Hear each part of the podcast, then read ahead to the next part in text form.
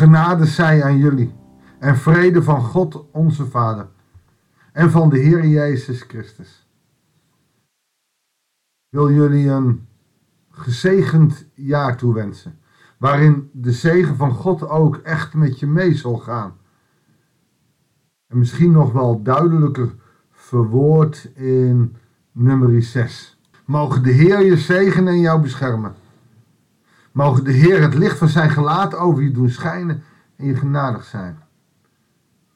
En mogen de Heer zijn gelaat je toewenden en jij, jou vrede geven. Zo wil ik je begroeten. Ik hoop dat we ook samen als podcastluisteraar en als spreker erin een gezegend jaar mogen hebben. Waarin we God groot kunnen maken, toe kunnen groeien, dichter en dichter en dichter naar Hem. Dat we zo dit jaar weer mooie dingen mee kunnen maken, omdat de Bijbel een boek is met prachtig mooie dingen. En laten we daar dan ook maar meteen mee beginnen als we lezen in Psalm 89. We gaan twee dagen, drie dagen een hele lange psalm uh, behandelen. Hij is niet van David, het is een kunstzinnig lied van de Ezragiet Ethan.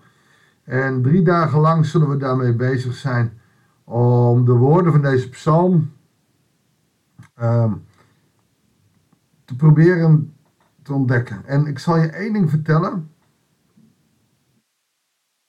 En dat is je ook vast al opgevallen.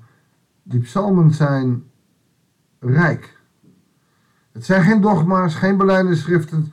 Ze leven niet voor hoe je moet leven, maar wel hoe je met God kan wandelen. En dus ook in je eigen leven je eigen psalm zou kunnen maken. Laten we maar gewoon gaan luisteren. Goeiedag. Hartelijk welkom bij de eerste uitzending alweer van dit jaar. En we lezen vandaag uit Psalm 89, de versen 1 tot en met 19. Van uw liefde, Heer, wil ik eeuwig zingen. Van uw trouw getuigen, geslacht na geslacht. Beter kan je een jaar niet beginnen. En we zouden toch, het zou toch mooi zijn als we samen dit konden zeggen. Van uw liefde, Heer, willen wij eeuwig zingen. Laat staan dit jaar. Van uw trouw getuigen, geslacht na geslacht. Ik beleid en ik hoop dat jij dat met me meedoet. Uw liefde houdt eeuwig stand. Niet mijn liefde, maar zijn liefde. En uw trouw hebt u in de hemel gevestigd. Dan gaat de psalmist als ware woorden van God aan ons geven. Ik heb met mijn uitverkorene verbond gesloten en aan mijn dienaar David gezworen. Jouw dynastie zal ik voor altijd vestigen, je troon in stand houden, geslacht na geslacht. Dat is ook precies de belofte die uh, gedaan is aan David. En die door God, en we hebben dat in Koningen gezien, dat het ook nog wel spannend is geweest, maar telkens in acht gehouden heeft, totdat Jezus kwam. Er is geen koningshuis meer in Israël. Ik weet ook niet of er nog iets uit het geslacht van David bekend is. Daar heb ik geen flauw benul van. Maar Jezus is voortgekomen uit dat geslacht. Dus de belofte van God, ook in deze psalm, is uitgekomen. Heer, laat de hemel dit wonder prijzen. Laat de kring van hemelingen u loven om uw trouw. De psalmist is weer aan de beurt en die zegt: Laten de engelen, de hemellichamen, de hemelingen, zon, maan en sterren, laten ze u loven om uw trouw. Want wie daarboven kan de Heer evenaren? Niemand toch? Wie van de goden zich meten met de Heer? Nou wordt erkend dat er andere goden zijn. Met God? Nee, zeer geducht.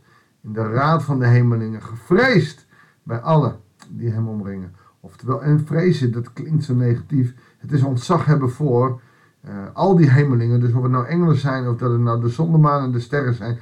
Alles vreest de Heer. Want zijn macht en zijn liefde is zo groot. Heer, God van de hemelse machten, Heer, wie is zo sterk als u? Trouw omhult u als een mantel. U heerst over de hoogreizende zee, verheft zich boven haar golven, u brengt ze tot rust. Dat zien we dat Jezus dat later ook doet. Hier wordt het al voorzegd. U hebt Rahab verpletterd en doorboord met krachtige arm. Uw vijanden verstrooid. Dus hier wordt God enorm groot gemaakt.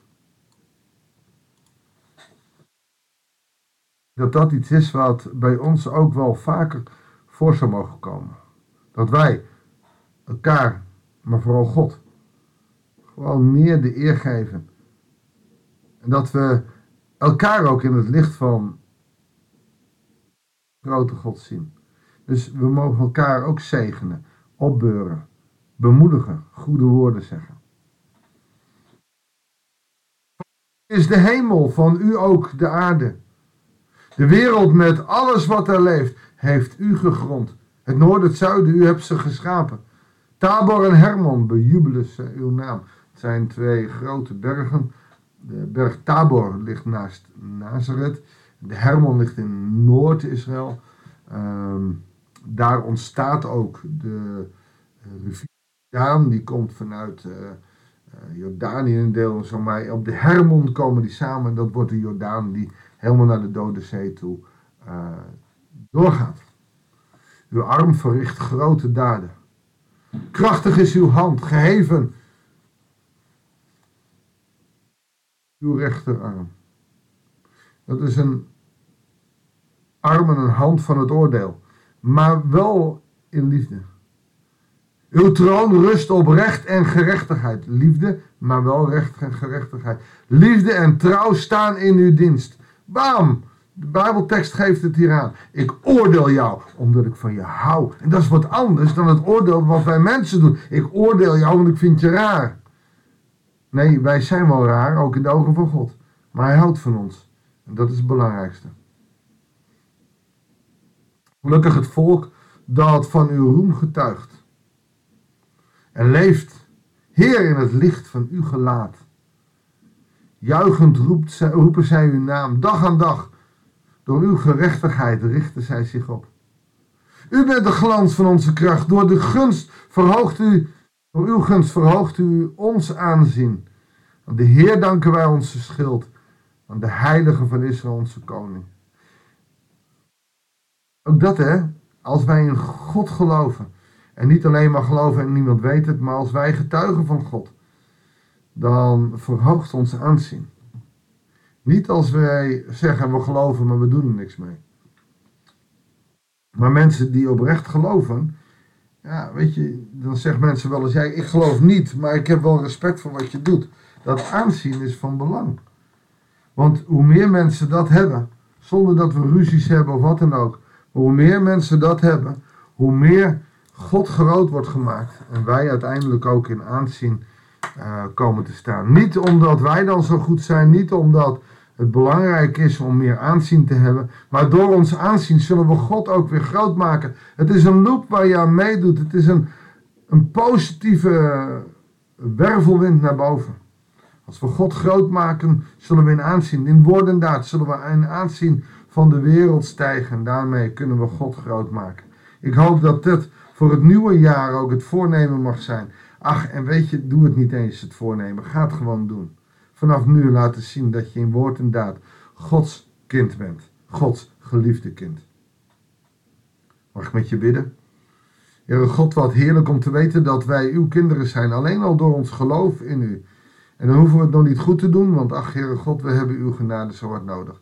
Maar we zijn wel blij dat u uw liefde aan ons gegeven hebt. We hebben het net met kerst gezien. Heere God, en ook in het nieuwe jaar mogen we weten dat u erbij bent en dat u ons uw genade zult schenken. We loven en prijzen uw grote naam. Dank u wel voor wie u bent. Zegen ons zo. In de machtige naam van ons Heer Jezus Christus. Amen. Wat een prachtige psalm om daar dit nieuwe jaar mee te beginnen. Drink het in je op hoe David God looft met allerlei metaforen en termen. Maar doe het in je eigen leven ook. Opdat je aanzien krijgt en God nog groter kan maken dan je nu al doet. Ik wens je een hele goede dag en heel graag tot de volgende uitzending van het Bijbelsdagboek.